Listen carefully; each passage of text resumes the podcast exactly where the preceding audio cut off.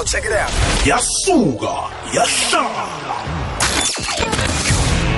Let's get ready to rumble.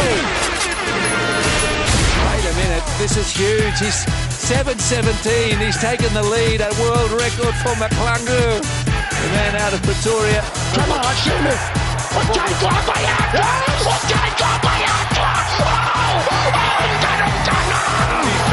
It's a really good ball.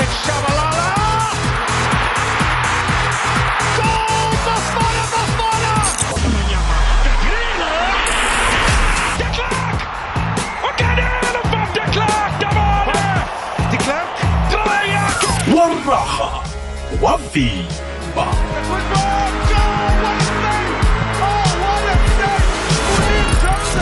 indaba ezitshisako abadlali umbango webhigiri isunduzwano lobujamo beligi fulela wanethwa kukwekwecfm fulela wanethwa usteve kompela naye ubuka urulani uthi genius um ikulumo le ihlangana naleya engike ngakutshela yona izolo ngathi uthe batsho bangamrobha bamphe unongorwana wakhe we-coach of the season. Um urulani mgwe ningamrobhi you have no option but you have to oblige. Kuriver ngedenelton the big abantu abafana no-stephen combela bayabalwa empilweni. Yabona u- ucompela the big yilo muntu lokuthi omunye umuntu nekaphumelelo uyakhona umbethela izandla.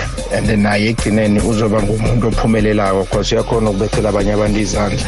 Uyazi um ngiyayizwa inkulumo kasteve combela but khe sicale so i-pirates is the only team now ephethe icup. Kuzokwenzakalani if i-pirates can win i-netbank cup again? I'm just throwing the cat amongst the pigeons. Dlala dlala big joe asidlali la. Ezemidlalo kufulela wanethwa. Angikulotshise mlaleli ngikwamukele kizo zonke indawo lapha ulalele ukhona. Singena njalo ke ehlelweni lethu lezemidlalo ihlelo fulela wanethwa emahashweni kwekwez FM njengemhleni ke ukhamba nami ngingubig Joe siyokuhlukana ngehour lesithandathu. Eh kileli hlelo ke uyazi ke ukuthi udlala indima enkulu siyawufuna umbono wakho. Eh nawe uhlanganyele ube nathi. Okunye ke sikufunda kini eh sikufunda kuwe ke njengomlaleli kukhona nathi osifundisa khona. Ungakhe ungajida ke na uthoma ukulalela namhlanje eh, siyakwamukela begodu sithi hlala nathi eh, angeze wazisola nakusasa nakusasa nakusasa nakusasa eh, wenze njalo uhlanganyele nathi. Lapha sichecha khona indaba zemidlalo. Namhlanje ke eh, esikucheche khulu ke eh, indaba yokuthi ke umlaleli ngiyacabanga ukuthi eh, omunye uyazi nangaba wazi ngaleli langa ngomhla ka11 kuApril 2001 eSouth Africa kwaba nehlekelele eh, ebholweni eragwako eh ya kwakukumbi kwakusebusuku ngolosibili nanginganamala. Eh ngikhumbula kuhle ngangisasebenza lapho khunye ngase ngathi ngiyokubukela ibhola nami. Ngihlezi ngiyibukele. Eh ngathuka kakhulu nangibona into eh ngayibona isenzeka lapha. Kwabhubha abantu abamachuma mane nabantu abathathu. Lapha khona bakubiza eh bathi crowd crush. Kwagadanganwa lapha. Eh kwaba kumbi. Kwaba kumbi. Namhlanje lilanga lelo ke into engeze sayikhohlwa sibathandi bezemidlalo eSouth Africa sibathandi bebhola eragwako eSouth Africa eh kulapha no Patco Mafani eh wavela. Umsebenzi wakhe waba mkhulu khulu nendima ayidlalako kwathi kuhlanga hlangene njalo walinga ukuthi akhulume ehlise imoya yabantu eh arabhela ukuthi ujame lapho ukhona lapho ungakhe ungasikinyeka uchingelana le eh kumbi umdlalo wawuraga eh kodwa wagcina ujamile. Kwakuyisowethu derby kwakudlala isicema seKaizer Chiefs nesicema seOrlando Pirates. Kwakunabantu abayi 60000 estadium kodwana imbiko eh ithi kwakukhona abanye ngaphandle abayi 30000 ababelinga ukungena. Ya kwaba kumbi khulu. Eh eminye imbiko yabuya yathi hayi khona kwangena abantu abayi 120000 estadium umhlokho into eyahlanga hlanganisa kakhulu Orlando Pirates yalinganisa kwakungu 1 not msinya nje Chiefs ikorile. Orlando Pirates nayilinganisa komadoda kwaba kumbi kwaminyezelwana abangaphandle bafuna ukungena nongaboni ko uyasunduza ufuna ukuchidela ukubona kuhle ukuthi kwenzekani. Umdlalo wajanyiswa. Pheze kwakudlala imidlalo eh, imizuzu 834 amachuma amathathu nemizuzu emine eh, umdlalo eh, wajanyiswa eh, kwaba bhlungu khulu. Bantu balimala kwenzeka konke ababhubha kona basithiya kwayiphasini baba machuma mane nabantu abathathu. Sicale isehlakalo leso ngiyakhanuka ke ukuzwa kuwe emlaleli ukuthi wena wawukuphi na kwenzeka lesi sehlakalo nangabe wawukhona lapho nakhona singakuthabela ukuzwa kuwe eh, ukuthi wena kwabanjani kodwa ngale kwalokho ngale kwalokho eh kwaba nama commission kwaba ama commission kwahlalwa phansi kwathiwa kube nemphakamiso imphakamiso zaba khona ezinye uyazazi mhlawumnye ezinye awuzazi ziningi imphakamiso ngiyakhanuka ukuthi nange ungena ukhuluma le indaba hlangana nezinye siziphetheko ukutsho mhlawumbe ukuthi ezinye zemphakamiso ezenziwako lapha ziyalandelwa na emidlalweni? Ziyalandelwa na? Eh mina ngase ngikudzubhulele zona zinengikhulu imphakamiso ezenziwako eh kodwa na kwaba khona ichoko ukuthi eh ukuqinisekisa ukuphepha ematatawini eh nokuvikeleka kwabantu kumele kube babantu aba professional abenza umsebenzi loyo. Nakuma security kube abantu abakutraineleko nakuma police kube mapholisa vele asemthethweni anama name tag into ezinjengalezo. Na umuntu akadanyana uzokukhumbula ukuthi eSouth Africa sibuya esikhathini lapha e stadium kwakujama amadoda nembhuku kwakuphethwe izambogo nembhuku kube madoda amakhulu lapha wemzimba eh agada abantu estadium ukuthi baziphathe kuhle. Babe sibetha ke isibhuku abantu abo babe ngakatrainwa ke ngokutsho kwemphakamiso ezavela ukuthi no no no no eh phambilini kwakunjalo kodwa na ke imphakamiso zathi abantu ababe eh ngabafundisweko. Abafu angithi eLis Park kwakulabantu bembhuku kodwa ngiyakukhumbuza nje ukuthi eSouth Africa sibuya kuleso sikhathi. Eh stadium ukusavunywa ndoda bo PJ Powers nabavumako lapha kunamadoda embhukwa ajamile kwacala icrowd ukuthi yenzani. Zindo nje sibuya kizo. Eh kwakhulunywa ke nendaba yokuthi indaba yokusebenzisa lapha ke ama private security companies eh nayo yatshejwa kakhulu ukuthi kumele kube nobufakazi bokuthi eh ba bandulwe ngokwekhabo lakhona na? Eh ngoba kwaba nensolo zokuthi abanye eh, babantu bama security ayisebenza lapho ayengazange aziphatha kuhle abangakwazi eh, ukumanager abantu abanengi kangako. Ngibo nabo ababanomthelele kutheni kugcine kuhlangahlangene kangako babengakwazi abakwenzako. Nendaba yama stewards nangikhuluma ama stewards uzokubona msi ukuthi nakudlalwa kokuba nabanye abantu abajama rwe abantu bangabukeli ibhola baflathele bacale nina lapha phezulu. Kuthiwa ingchema eh kwathiwa ingchema sibe nama stewards stewards at least ke eh isichema sibe na 100 yama stewards abandulweko. Eh abayokusebenza njengama security labo bokuba ma stewards ya eh kwathiwa ke abenze njalo ke ingchema zibe nendlela ukuthi bazifundisele babo abantu eh bayokureporta benze konke ukuthi kwenzekani babambisane nabasebenza kwezokuphepha. Kunengi okwakukhona eh lapho ke emphakamisweni ezaba khona. Eh kwathiwa ke nama security lapho eh kumele ambathe kuhle umuntu abonakala ukuthi lo ul security umuntu noma rarekile akwazi ukuya kuya demani nginomraro bambathe izinto ezizokwenza ukuthi babona kubonakala umuntu akude ukuthi lo vele eh uyasebenza la kuyasebenza kwathiwa ke kungabi nama security companies angaphasi kwamane eh azokusebenza ko lapho.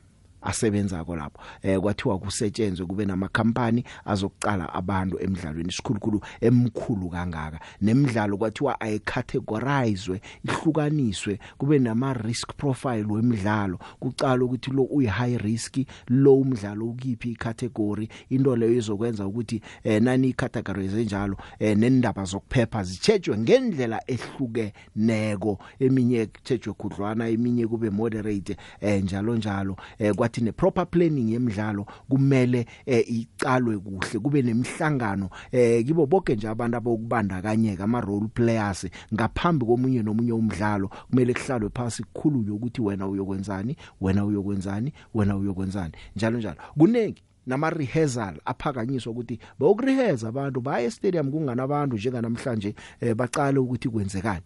Nendaba yokuthi eh, amaheke abantu abangena ngawo avulwe wonke kunganande kuthiwa le ivaliwe abantu basunduzane kwenye encane namtjana kwezinye nje ezikhona.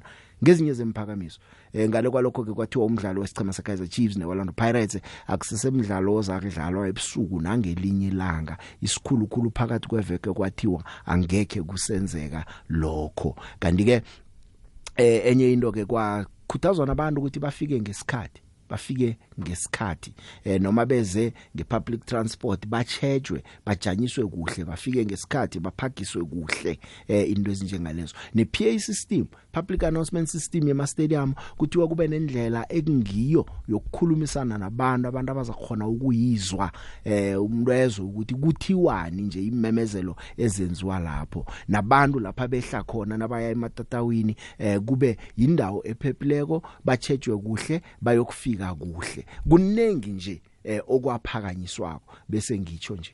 Bese ngitsho nje. And kuthiwa nama entry points kumele abonakala umuntu angazumi ukuthi ngingenapi asatha vela nje avele stadium akwazi ukubona ukuthi oh nakya lapha engiyokungena khona. Nendaba lapha kuthengwa khona eh in cold drink anezike ngabo half time eh nazo lezo bathi ke azivele kuhle ngoba ke eh, bajoke sekuba kunomkhwanyana umuntu asavela phakamisa cold drink lapha khona abantu bafune ukuyithenga bagijime njalo njalo abanye babe bagadangana kunengi okwenzekako. Nethe sengifuna ukwazi nje ukuthi ngemva kwesehlakalo esinemphakamiso ezaba khona ngikuphi okwenzekako na? Kuyenzeka okhunye na? Ngoba nendaba yokuhlala kwaphakanyiswa ukuthi eh, abantu akube nenomboro entulweni. Amathikithi libe nenomboro. Na ungena ko uzazi ukuthi wena iseat number khongiphi kodwa ngiyazi ukuthi abathandi bebholo kabe bayingeni security lingafika likususe lithi wena la mde kuhlala ubani wena khamba uyele maye banekana abalandeli bebholo. Lapho kunye nathi siyalila kodwa na kube ngithi godu esenza umsebenzi wabantu abathi benzela thina ubulula ematatawini siwenze ube budisi. Bathi nalapha ekuhlalwa kujanywa khona kubonakala ukuthi le indawo yabantu abajame ngenyawo kube lula ukufika lapho. Kanti okunye kwathiwa ke nendaba yamathikithi kungathengiswa ifull capacity yamathikithi. 5 to 10% eh bayiphungule. Nangabe yi90000 stadium bangathengisa amathikithi ayi 90000 kanti lapha ekukhanjwa khona kungabi nabantu abajamileko namde kudlulwe kunande kusunduzwana. Ngezinye zemphakamiso kungachingilanga kuphela ihlelo nangingathi ngikutshela zonke imphakamiso ezenzekako ngemva kwehlekelele eyenzeka lapha ke Ellis Park Stadium. Ngikilokhu ke ngizokufuna ukuthi ungene. Mhlawumbe basitshela ukuthi wawukuphi kwenzekani uveze nokuthi imphakamiso ezihlangana nezinye engingakazibali nawe ozaziko zikhona ezilandelwako na? Vele kuyathembisa ukuthi sima South Africa ngeze saba nayo ihlekelele enjengalena. Namtjana kezinye ingikhathi nani ematatawini niyathukwa niyabona ukuthi nakungakatshejwa kuhle into enjengale ingabuyelela na? Namtjana akusana valo vele niyabona ukuthi into zihleleke kuhle angeke zisenzeka na? Ngiyo leyo. Kanti okunye sokuzwana ngorufas eh ba zingikhuluze sichema ze semaromo galansi ezibuyileko izolo eSouth Africa ngemva kokuvaleleka lapha eLibya. Namhlanje babambe umhlangano nembiki indaba sizokuzwa ngabo ukuthi bebahlezi njani lapha eLibya. Ngikho lokho nokhunye okuningi engikuphetheko la ehlelweni. Fulela wanethwa emhathweni igwegwezi FM fulela wanethwa akhona makalima. Eh uhlangana nabo ma abalithumi nambili abosofengwana balai Africa bayokuphatha imidlalo ku FIFA Women's World Cup. Akhona ngiyakwamukela ngiyakulochisa emhathweni kwekwez FM yachema Thank you so much for having me. Thina siyabonga. Nathi simasewula Africa sithabe njengawo ungacabanga ukuthi ithabo ngelakho kuphela sithabe kakhulu eh ukuthi siyokuba nosofengwana wokthoma eSouth Africa uyokuphatha ibigiri yephasi eh onguma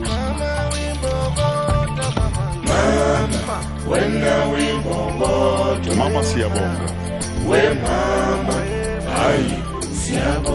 Ubig joe ehlelweni fulela wanethwa kukwekwezi fm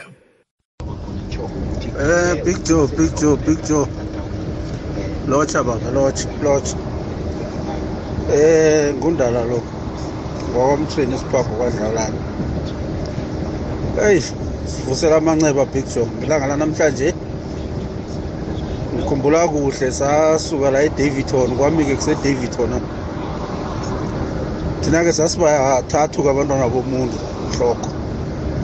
kwakungimi kungumfowethu umfundisi eh kungumfowethu uGideon sasibathathu ke thina abantwana bomuntu lapho sikhamba nomunye umngane nami bathi ngunkambula uvelaphi naye khamba nabantwana bekhaba bayi-two ulaki nojabulani futhi sasiyi-6 nje eh imndeni emibili. Eh ngikhumbula kuhle Big Joe safika sekuladanyana nathi umdlalo sowuthomile. Eh iChiefs bese ikorile sisengaphandle eh sathi nasingena eh neta ngisazi ukuthi ngizakuthi ngiliphi ihlangothi. Uhurunyejwana lapha Big Joe. Ngathi na nasele ngidlula dlulile abanye aba kusho ukuthi Big Joe lapha into engase ngikucocele yona nje ukuthi uzimo wangipha amanye amandla nami engingawaziko ukuthi ngawathathaphi kwenzakalani. Ngoba ampuri abantu ekade ngikhamba nabo nabo bengibathwela ngazi bengibathwele njani nami ukuthi ngabadlulisa njani. Nami ngezwa ngabo sebangithokoza bathi mthwena sazi ukuthi u- uyenze njani into efana nale. Omunye bathi ngujabulani noma sekalala. Omunye bathi ngujabulani futhi ngahlangana ne- ne- ne- nesicuku singena ngaphakathi mina ngibuyele emuva ngiyokufuna lo jabulani ngisiphendla hhayi indaba okudlala ngisiphendla. Lo jabulani ngamthola alele phasi bakuhamba phezu kwakhe. Ngaba namanye amandla wokumvusa wokumdosa hlangana nesithabesi isithabesi siza phezu kwami mina ngiya phezu kwaso. Ngabona ngejasi nje ukuthi ayikhona. Lo yena nguye lo bakuhamba phezu kwakhe. Kwakuthi kufanele ngingene big joe ngingene ngingene ngingene. Nhlanhla leyo uzima muhle ngakwazi umgereya bengamhudula waphuma. Ngakhamba ngokuhlangana nalaba besele bangi- ba- ba- bajamile noba ngilindele ngaphambili. Nasiceda ukungena nje sihlala phasi nje stadium siceda ukungena big joe. Sihlala phasi nje stadium eyi sabona thina nje asazi kwenzakalani sabona sengingena abantu balaliswa phasi. e- eduze kabrian baloyi balaliswa eduze kwabrian baloyi sathi ayikhona kwenzakalani manje la kanti hayi big joe kwaba yinto efana naleyo mfuko ngangilapho mina ngangilapho ngangilapho. Ngagcina mhlokho kuye stadium big joe. Tot namhlanje ngagcina mhlokho ngagcina mhlokho. Uma walila kabuhlungu khulu big joe. Walila kabuhlungu khulu nodadewethu walila kabuhlungu khulu. Bathi bayafona amanetwork awabereki bazi kahle ukuthi vele usestadium siyamazi akasali i-pirates nayidlalayo ah big joe ngagcina mhloko bengasayina ngathi no more. Stadium angisayi. Kuthokozile big joe. Akake sithokoze emthweni ya ya.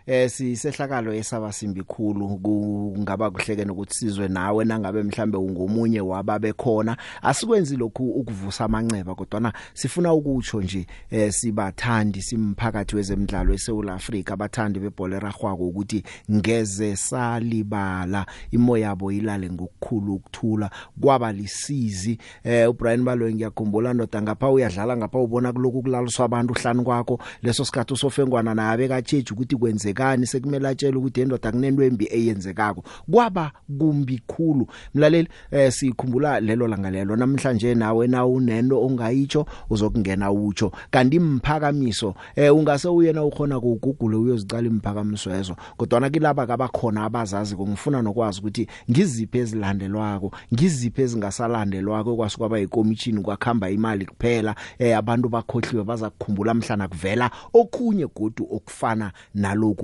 okuyinto esingasafuni nokuyibona ebholweni yethu eragwako eSouth Africa Eh Big Joe o bolela le Big Boy Mahlakola ka Tloporo ne? Big Joe I'm one of those supporters ba ne ba le ko Ellis Park at that eh yeah so improvement e leng gore ke a e bona no ke ya gore at least go ska tlhogo sa ba full capacity. Go be le certain percentage e leng gore a ba rekishe di-ticket for ditulo tše empty and then marie ke bonang e sa le tlhoba boroko e le gore rena le as supporters e sa re tshwenya ke late coming. A re tle early stadium big joe. And then e nngwe gape e nkgatlhileng ke gore derby a e sa tlo dlala bošego a e bapale bošego e tlo dlala mosegare fela. Ke improvement e leng gore ke e bone and ebile e a re berekela. Ke big boy mahlakola ga tloloporo ke a leboga. Sawubona Big Joe no Arvuna lapho emsakatweni kwekwezi FM. Big Joe sehlakalo lokhuluma ngaso sase Ellis Park ngisikhumbula kahle ngoba nami bengikhona but mina lokwangisida ukuthi mangiya etinkundleni tomdlalo ngifika early ngibe ne-hour before ngifikile before icala igame so lokwendakala lapha mange kwangijabulisa kwangivisa inhlitiyo lebhlungu kakhulu Big Joe ngoba bengikhona ngokubhekile. But umuntu lengasho ukuthi wasita kakhulu iPRO yeChiefs umphuthumo uPatco Mafani ukuthi ehlise lwaka lebalandeli nalabe bakhona la ngekhathi ukuthi bahlale la bakhona. Ngoba ligoli lokuqala leKaizer Chiefs lakorwa nguTony Ilodigo lobeka strike abuya eNigeria. Then iPirates equalizer ngegoli la la Benedict Benedict Vilakazi so kulapho kwabe sesekusuka lenkinga after kungenele egoli yokuequalizer bangena abantu kule tunnel lengale ngase eastern side baba bahamba etulu Big Joe. Kukubi. Hey sibhlungu lesesakalo lesenteka Big Joe ngiphinze ngibuyeke ngapha kulo Dog Pepper. Lapha e-stadium mina ngiyasebenza njenge security officer kuma event letinye takhona Big Joe atilandzelwa ngoba kokuqala if you are a security officer usebenza e-stadium kufuneka ube nesira. And kusebenza e-stadium for i-crowd control kufuneka kube ne-special event. So lamanye ma-security company basebenzisa abantu without isira and then i-special event ababi naso. Abakatrainanga ngokuqeqesheka labanye bema security officers. Labanye basebenzisa laba labanemitimba uthola ukuthi emaphepha okusebenza estadium abanawo. Kwendiwa nje ifavoritism. Ngito nje tinto lengitibonako ngoba nami ngomunye we-security but mina timpepha nginato wena big joe. Nala ama-parking area nje kuningi nje lokwendekako lokungakalungi nje big joe. Lokunye akulandzelelwa kusafuneka nje ukuthi laba labaphethe temidlalo sebakuhlele kahle lokhu labakhuluma ngalesa sikhathi ngoba lokunye kwakhona akulandzelelwa big joe. Kuningi lengakubala big joe lokwendekako kodwa ngendzaba yesikhathi nokuthi kufuneka nginiketela abanye lithuba ngitawuphelela lapho. Ngiyabonga big joe. Ukuba semkhanyweni ukuba nelwazi. Ikwekwezi fm kukhanya ba. Kulelawanethwa nginobaba upitso dladla ombanduli wesichema se-richards bay. Yazi ukuthi kesinye isikhathi ababanduli indaba ye-mandate anika vama ukuyikhuluma khulu. Kodwana njengesichema esitsha esifikako ngicabanga ukuthi i-priority kini ukuthi ni-maintain i-status senu isizini i-mandate ayikho ekuthenini emagemini awu-thirty sesiqedile i-mandate ilanje emagemini amancane mhlawumpe awu-five buke ukuthi singaxosha amaphoyinti angakanani. Siqede lawo five ijulele kwamanye o-five so indlela la ithimu isebenza ngayo kodwa-ke nathi njengethimba yabaqeqeshi siyaye sibe nayo imandate sethu esiyibekela yona etshaleni ukuze kuhambisane ne-support esiyisolayo so imandate kuba yinto eba kanjalo la eqenjini lethu. Kulelawanethwa siyaraga ke mlaleli imzuzu imachuma amabili nemzuzu obunane ngaphambi kokuthi silibeke phasi ihlelo. Eh ngisayilindile imbono yakho ngiyafuna ukuzwa eh ukuthi kukhambela kanjani imphakamisezi ziyalandelwa namtjana njani na? Wawukhona wawukuphi? Wena yasakuphatha njani lesisehlakalo lapha bewukhona ngaleso sikhathi? Kodwa ke ezinye izinto ezikhona ke sithokozise no Pesitaw kazi Pesitaw izolo iAl Ahly eh ithumbile ibethe iPyramids ngo2-1 Pesitaw ku Al Ahly mseula Africa ngaphanga ku Pyramids kuno Fakhri Lakay mseula Africa babetshe lapha ke ngeextra time abo Fakhri Lakay eh bathumba iEgyptian Cup abo Pesitaw siyayithokozisa ke eh, isichema lesi ke seAl Ahly eh seyibigiri yesithathu ayithumbako lapha isichemeni seAl Ahly solo wafikako eh, wafika ngoAugust ngo2021 bathumbe lapha ke eh, sekaphethe iCAF Super Cup yango 2021 phethe Egyptian Super Cup yango 2022 nangoke nje uthumbile kodwa nguPesitaw siyamthokozisa nesichema sakhe. Ke ngibuyele endaweni le Marumo Gallants eh, amalunga wesichema seMarumo Gallants ngikhuluma ngoRufus Matsena banotebugo Amos Dlomo. Eh bayakhuluma ke namhlanje ukuthi baphathe kanjani ngoba bebabanjwe ngendlela engekho emthethweni lapha eLibya. Imveke ntathu babanjiwe kuthiwa singakathola imali ethwa nikhambi babanjwa lapha umnikazi wehotela eBengazi eh, ngemva kokuthi eh, badlale umdlalo weCAF Confederations Cup nge19 zika March eh, insolo ke nenkulumo ezivela ukuthi imali bebamkoloda yona kolodwa sichema i680000 rand. Wabathengela igere batshola lahle ke take igere labo wabatholela i-chartered flight ezobathatha ibabeke khona lapha eBengazi eh nehotela beyingiyakhe badla ukudla kwakhe utsho njalo ke umswalo. Babuyileke izolo eSouth Africa ngemva kokuthi ingikhulu eziphetheko lapha eLibya eh nomnyango ke weza weza ngaphandle la eSouth Africa eh we international relations eh babona lapha bakhulumisana ke bagcina bavumelene ukuthi bazakukhamba.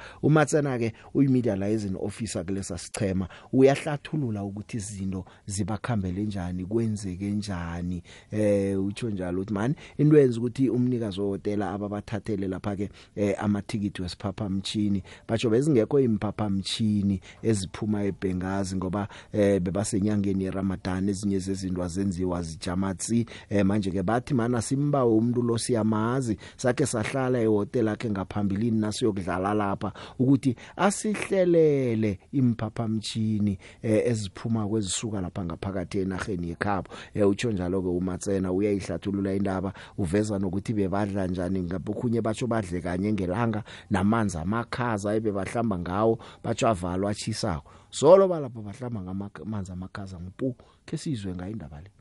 The whole idea was for us to be there for for you know 2 to 3 days. Uh, the idea was that the chairman had to pay into our accounts.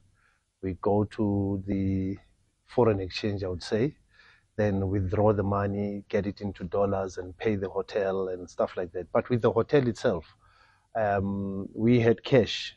That uh, we were carrying myself and Mr. Lomo that uh, we needed to pay for the hotel. That one was settled. There was no problem. So the, the, the, the issue was more on the flight tickets that, um, you know, the, the, the flight tickets, uh, the, the, the prices were not that clear one thing that you know started giving me some doubts is the fact that when we arrived at the hotel, he confiscated my passport. Remember, I mean, for any any place, uh, a hotel, they'll take your passport, make a copy, and give it back to you, the original. But he kept it with him. So, so, so that you know started raising eyebrows for for me that no, there's something which is not right here. Then the time we got the so-called invoice, it came as one figure because you know an invoice must have a breakdown. Like for instance, if you're talking about tickets, I bought so many tickets. You must have a unit price, which is one ticket is costing X amount, and then collective because all in all it was 19 tickets. And say as a collective, so many tickets will cost X amount. But if you come with an umbrella price and say this is all what the ticket costs, it becomes a problem.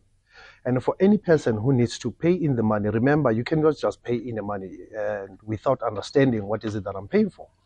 So that is where the problem was. I went to to to to to, to the hotel owner because he's the one who bought the tickets, um, trying to understand uh, when can we get an invoice and then send it to the president to our our our our, our chairman so that he can make payments for that.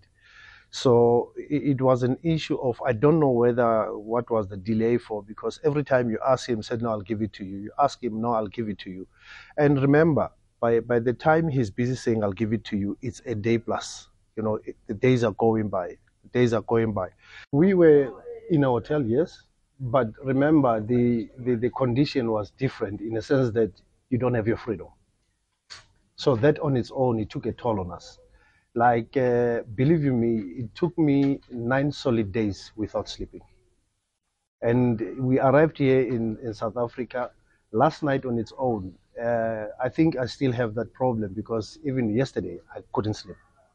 Up to now, I'm still awake. Food, uh, especially with breakfast, it depended on their mood for the day. In most cases, we ate once a day. Ngurufus eh ahlathulula ke uMatsena ukuthi into zifike lapha zikhona eh kukhambekini kwenzekani. Eh ngiyathemba mina nanje ukuthi kusese khona okuzokuvela. Ngibona ukuthi kuphelele lokhu akukhulumako. Mhlawumnye kusese neminye imininingwane esisaza kukhamba sizwa ngokukhamba kwesikhathi. Kodwa na ke ngale kwayo yonke into sima South Africa sithokoza ukuthi babuyile babuye baphephile. La eSouth Africa izolo ke beka kudlala ibanyana banyana ibechiwe bechwe iSerbia ngo 3-2 emidlalweni udlale kuhle. uDesiree Ellis uyathi uthi umsebenzi sesemningi ukhumbule ukuthi nge25 minutes yokthoma Serbia bese ibetha amagondelo amathathu. Ibanyana banyana yabuya seyibuya ngemva eh nokho ke umdlalo waphela lapha ke ngo 3-2 ke sizwe ngoDesiree Ellis khumbula ukuthi umdlalo lo kulungiselelwa iphaliswano lebigiri yephasi yabendazana elizokudlalwa eh yona unyaka lo ngabo July kufika lapha ke kuAugust nonyaka nje Um, you know, if we had taken those half chances in the first half, I think we might have had a different result. But in, with regards to the performance, I think uh, not just a lot of character, but also we showed um, that you know that we could play. We created opportunities. We put them on the back foot. Um, you know, and that for us was really important to see the players absorb what we trained for the last two weeks and put that into practice. And for that, we were very happy. But obviously, there's still some stuff to work on uh, because it's a process, and where we want to be at our absolute best at the World Cup. But I think um, the area now also is to go back and look at the set pieces uh, and make sure, um, you know, if it was a, pers- a player not picking up or. Look, I think the first 15 minutes when they got all those uh, corners and set pieces, we didn't organize really well. Um, I thought the second, third goal, uh, set piece, we could have dealt better with that. Um, but after that, I think we were in complete control. Uh, we got one or two chances that we didn't take. Um, then we got another one. We took that one and going in halftime at 3-1. But prior to that, I thought we were a lot in control. Uh, after that, and dealt with everything they threw at us. I think when we came out the second half, we were even better. The intensity we kept up. We kept rotating the ball really, very quickly. Uh, there's a couple of boxes we can tick, of course. Um, not the result we wanted. Uh, need to have a look, go back and have a look at the set pieces on how, we can do that better. Uh, it's, uh, I'd like to have a look before I, I even speak about it, but I felt defensively, you know, in open play, we were very solid defensively, and that is one thing that we've been working on extensively. I thought in our transitions could have been a bit better because there were some moments that if we played the ball early, we were in on goal. But what we worked on, you know, uh, it's really exciting and encouraging to see that a lot of that came together. I felt in the second half as well. There was one moment where, you know, we were up for, for a corner and we lost the ball, you know, and our players sprinted back to get into posi- to, to position. And that shows, you know, the, the willingness to work, the willingness to get into position.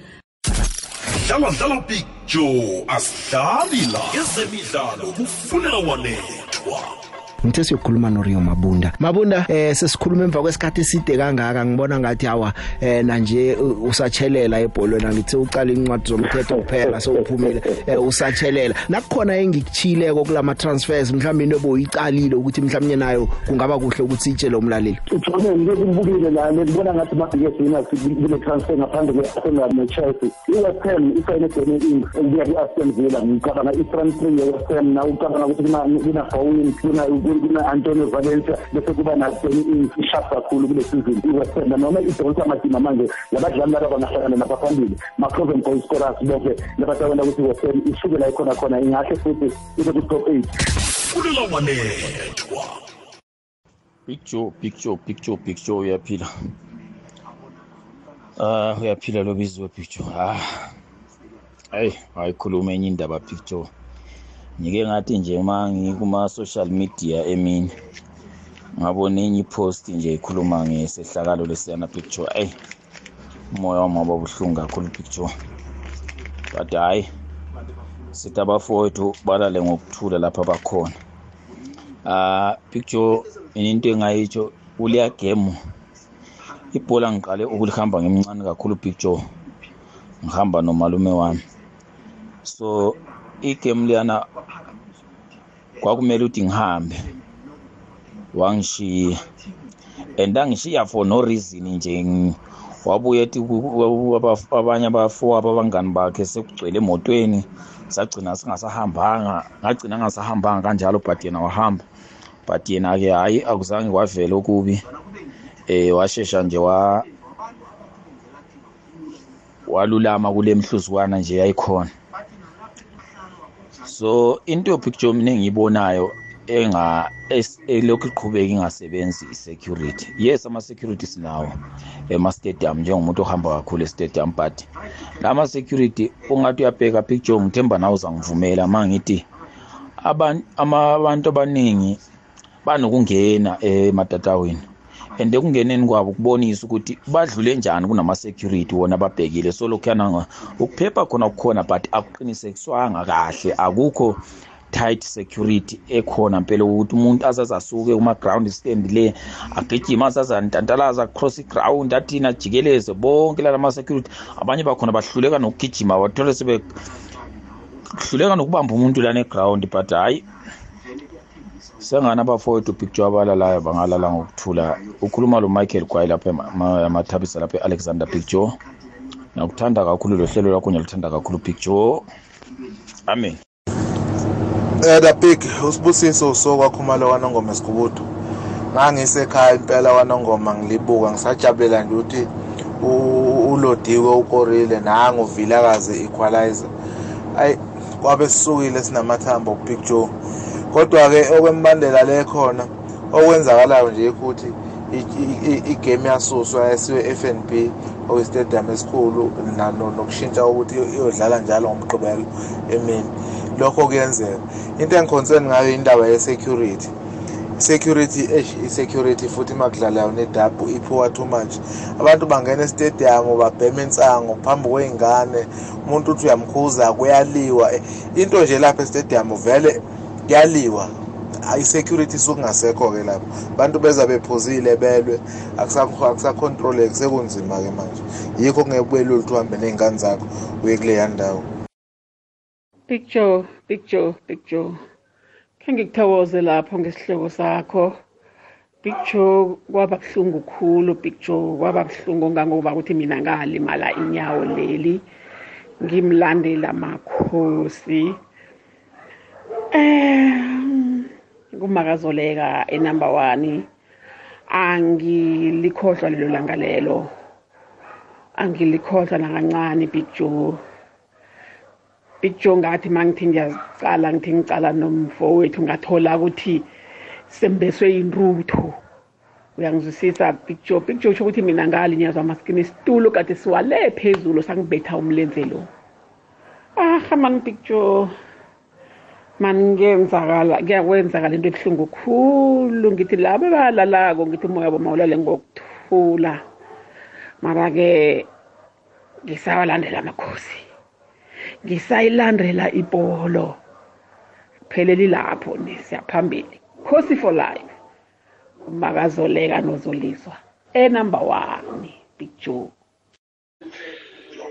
Mhlekazi molo tata molo the big.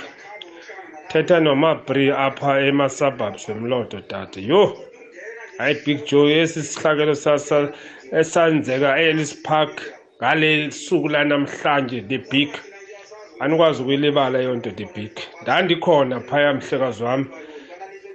Qha nje into yasincedayo thina safika early wena the big because mna ndandisukela kandicinga kathi ndandisukela apha em- emamelodi. Yo the big hayi andi- andiyikhohlwa natu le ndaba. Ndandiyibona nje etv ndinokutsho ukuthi heyi mna ndasinda phaya kweyantlakalo ndathi khona apha the big yho fika early kwanceda the big cause yathi yayikora nje ichiefs ngasendingaphakathi mna yho kandiva nje into semsinda after igame seyizoqala isecenter the big yho ndiva umsindo omunye hayi ndo- ndothuka kwamna. Yho ndathuka nyhani tata ndiyabulela mhlekazi eyi hayi leya tram leya trauma le hayi yayinzima. Kwakukubi the big.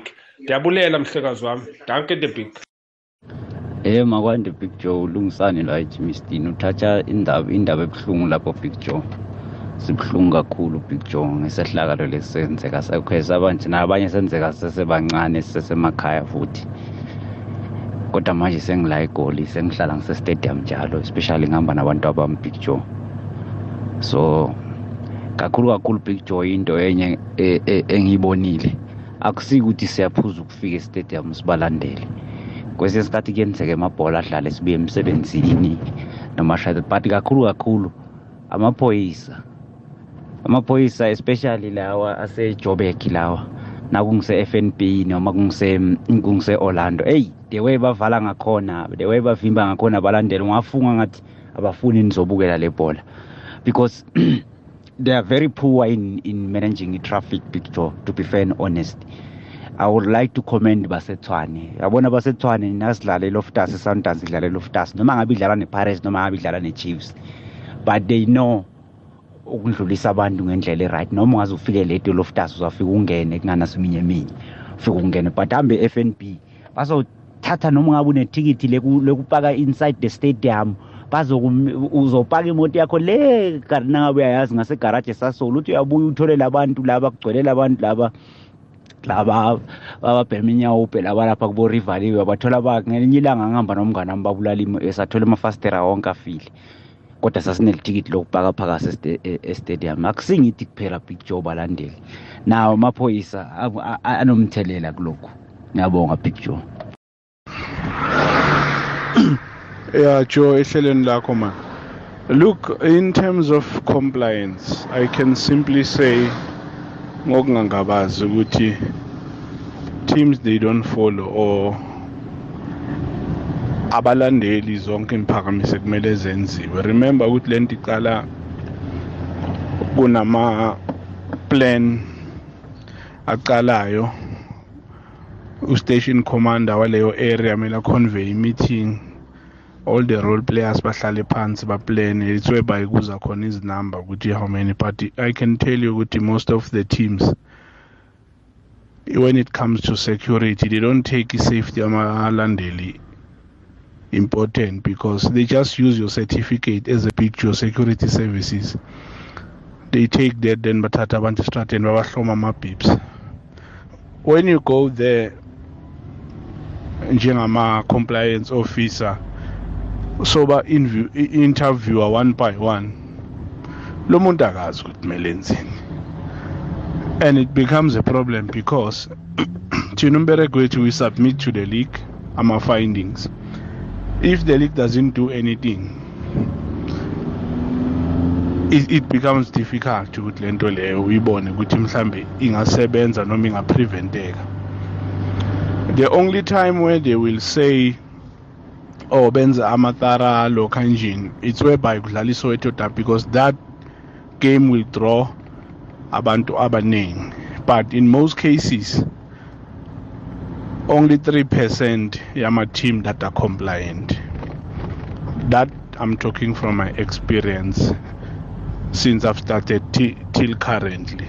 So none of those happening picture none of those ekumele kwenzeke okwenzekayo ukupreventa ukuthi kungabi it's only where kunesoweto derby la ubona ukuthi wonke umuntu ucala ukuphakamisa amehlo ukuthi eyi yonke into yehliwa yenziwa proper kuba khona ama-metro yonke into leyo kuya-checkwa yo. But in most cases abanye ama-teams asebenzisa even nama-expired certificate sera certificate. Njengoba umlaleli lobekasho abanye abantu they don't they don't even have ama grade c ye-security crowd management training they don't have. So if ever something happens la uyoba controller kanjani? Yabona ukuthi kuyoba nesinye istampede. So ezinye izinto ekumele mhlambe abaphathi bethu bebhola bacale bazithathe serious before kwenzeka enye futhi ingozi bacale baprevente this one. Mm. Ya eh mibono ehlukahlukene kokubhlungwana ke eh okhuluma lo u compliance officer vele usebenza khona izinto abazibonako. Kubhlungu ukuzwa ukuthi ezinye zengichema eh abazithathele ehloko into eyenzeka kole silindeni silinde ukuthi kwenzeke okhunye godu bese siyabuya ke sithoma ama commission siyakhuluma na? Kukhona kubuzwa ukuthi imphakanyiso ezikandi niyazilandela na? Ngathi ke leli langa lingakhumbuza imphathimandla zebholo eragwako zeSouth Africa Africa ukuthi bantu masana ukunyefisa niyokuvuka mhlana kuvela enye ingozi akucinwe kusebe kusetshenzwa. Uzokukhumbula ukuthi ngemva kwayo yonke ihlekelele kwaphenywa kwaphenywa kwagcinwa kwenziwe lapha ke i Safety at Sports and Recreation Events Act 2 yaka 2010 eh ya yaphasiswa yabekwa ukuthi akulandelwe le imbandela emidlalweni nezehlakalweni ama events eminyanyeni nabantu abanengi ngesehlakalo lesikwavuka into ezinjengalezo. Kungaba kuhleke ukuthi omnye nomunye umuntu eh osiphathimandla kezemidlalo osiphathimandla ebholweni okhona nje emidlalweni adlale yakhe indima ukwenzela ukuthi singasazithola sicalene nobujamo obunjengalobu. Kanti okunye kamlaleli engikutshela khona ke namhlanje kuyadlalwa iManchester City ku Champions League eh bayadlala ke namhlanje badlala neBayern Munich. Bayern Munich mdlalo ozokuba mnandi hle ngicale uPep Guardiola ngicale uThomas Tuchel. Tuchel wabetha uPep Guardiola ngo2021 abandula iChelsea babetha iManchester City ngo1-0 bathumba lapha ke eh iChampions League. Ya sazi nje kuno Erling Haaland batsho njalo abantu bathi uHaaland ukhona mhlawumnye izinto zizakuba ngenye indlela namhlanje. Siza kubona khona ke ukuthi kuyokhama kanjani ngoba mhlawumbe nje u uPep Guardiola uceda ukumadanisa uHaaland noCristiano Ronaldo noLionel Messi batsho usezingenelo yena ngezwe wamnyaza una 22 years sekabethe 33 goals emidlalweni ye25 yeChampions League. Uzokhumbula ukuthi wakora amagondela amahlanu nababetha iLeipzig ngo7 not ku last 16 sengikutshela nje ngobungozi bakhe. Tuchel yena uthi hayi thina sima underdogs vele ipressure iphezulu kwesichema seManchester City. Ngiso esifuna ibigiri. Midlalo esizayibona ke leyo sibone ukuthi kuyokukhamba kanjani ngiyamhawukela ngimzwela ubhlungu uPep Guardiola. Pep Guardiola uthumbile 4 yama league titles 1 FA Cup 4 yama league cups kodwana ke uyabhalelwa kuthumba iUEFA eh asazi. Wayithumba kabili asese lapha ke kuBarcelona nje kuManchester City. Uyabhalelwa bafike kuma quarter finals kayi6 ama season ayi6 alandelana. Eh babereke kuhle khulu nabaza kufika kuma finals ngo2021 kodwana ukuyithumba kuyabhala Omnye umdlalo khona Benfica idlala neInter Milan namhlanje eh imidlalo ke le esizabe siyicalile ngehlangothini lebhola eragwako. Eh ke ngifake ivoice note ibe yinye ngibona ukuthi isikhathi singibekapi ukusuka la. Eh Yebo Big Joe. Ukhuluma nomadlala la eDon Park. Eh ya Big Joe kwakuyisehlakalo esinzima kakhulu ngikhumbula ukuthi ngangikhona phakathi estadium. Iyakora ichiefs ngikhona phakathi estadium iya-equalize ipirates ngikhona phakathi estadium ngafika in time eh into engayinothisa lapha ukuthi abantu abalimala balinyazwa naseqala kuphushwana abantu abaningi abalimala. Ngendlela sasiminyene ngakhona there was no way ukuthi ungawa. Kodwa abantu ababe ababewa abantu ababebanyathela icathulo yabona ukuthi bakunyathela isicathulo la ngemuva ubona isicathulo siyasala bese uzama ukugoba uzama ukuthi ufuna ukufaka isicathulo. Ngeke usavuka big joe. Nabo abantu abaningi mina ngibabone bawa phambi kwami. Uyabona mina ngangihleli esidini eh iseduze ecele nje nala kuhanjwa khona. So abantu abaningi vele babewiswa yilento leyo ukuthi babezama ukufaka icathulo zabo. Nakathi ufake isicathulo sakho umuntu angaba sakhona ukuvuka awe.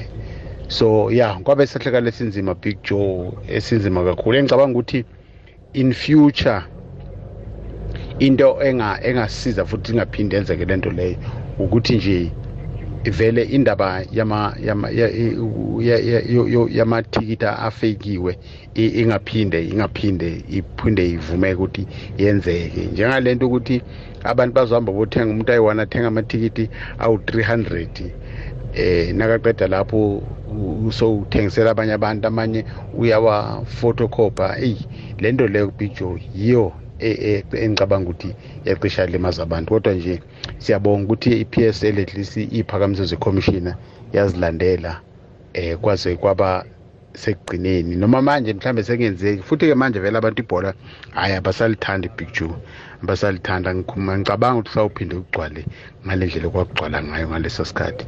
Ngiyabonga big joe. Ya eh sisikhathi sinomona mana ayesekuthi na kumnandi sicoca eh bese ke sona siyakhamba. Akhe ngizwe nje mhlawumbe babili ngabathola la emtatweni. Usemoyeni yeche akwande yeche Thobela picture libiziwe. Akwande. Lekana. Sikhona kunjani baba?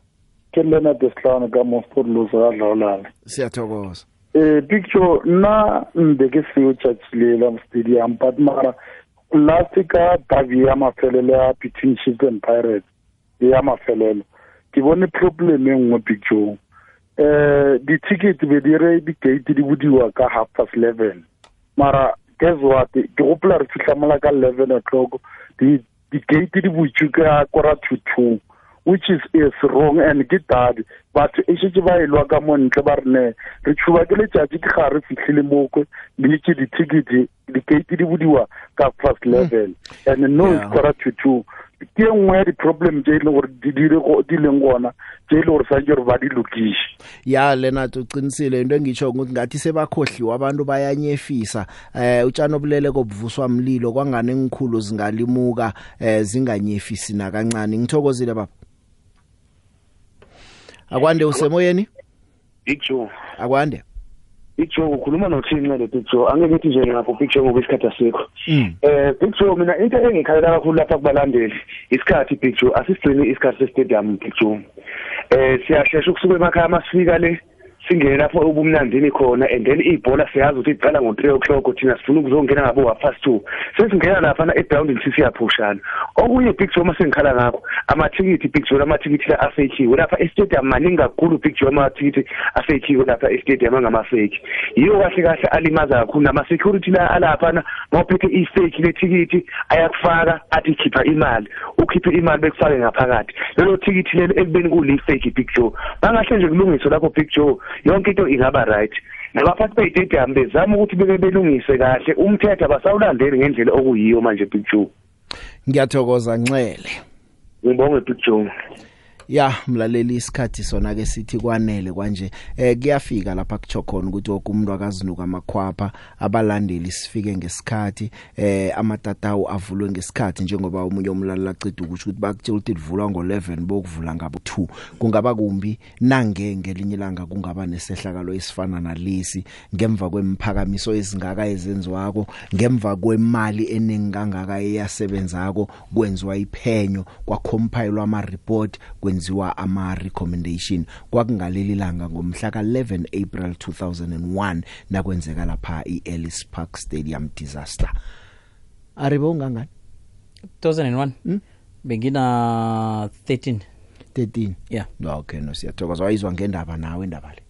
Ya nga- nga- nga- ngayizwa ngithi besabukela i-tv lokho Mm. emakhaya lese siyibona bona yona. Ya kodwa yona ayisiyayazi.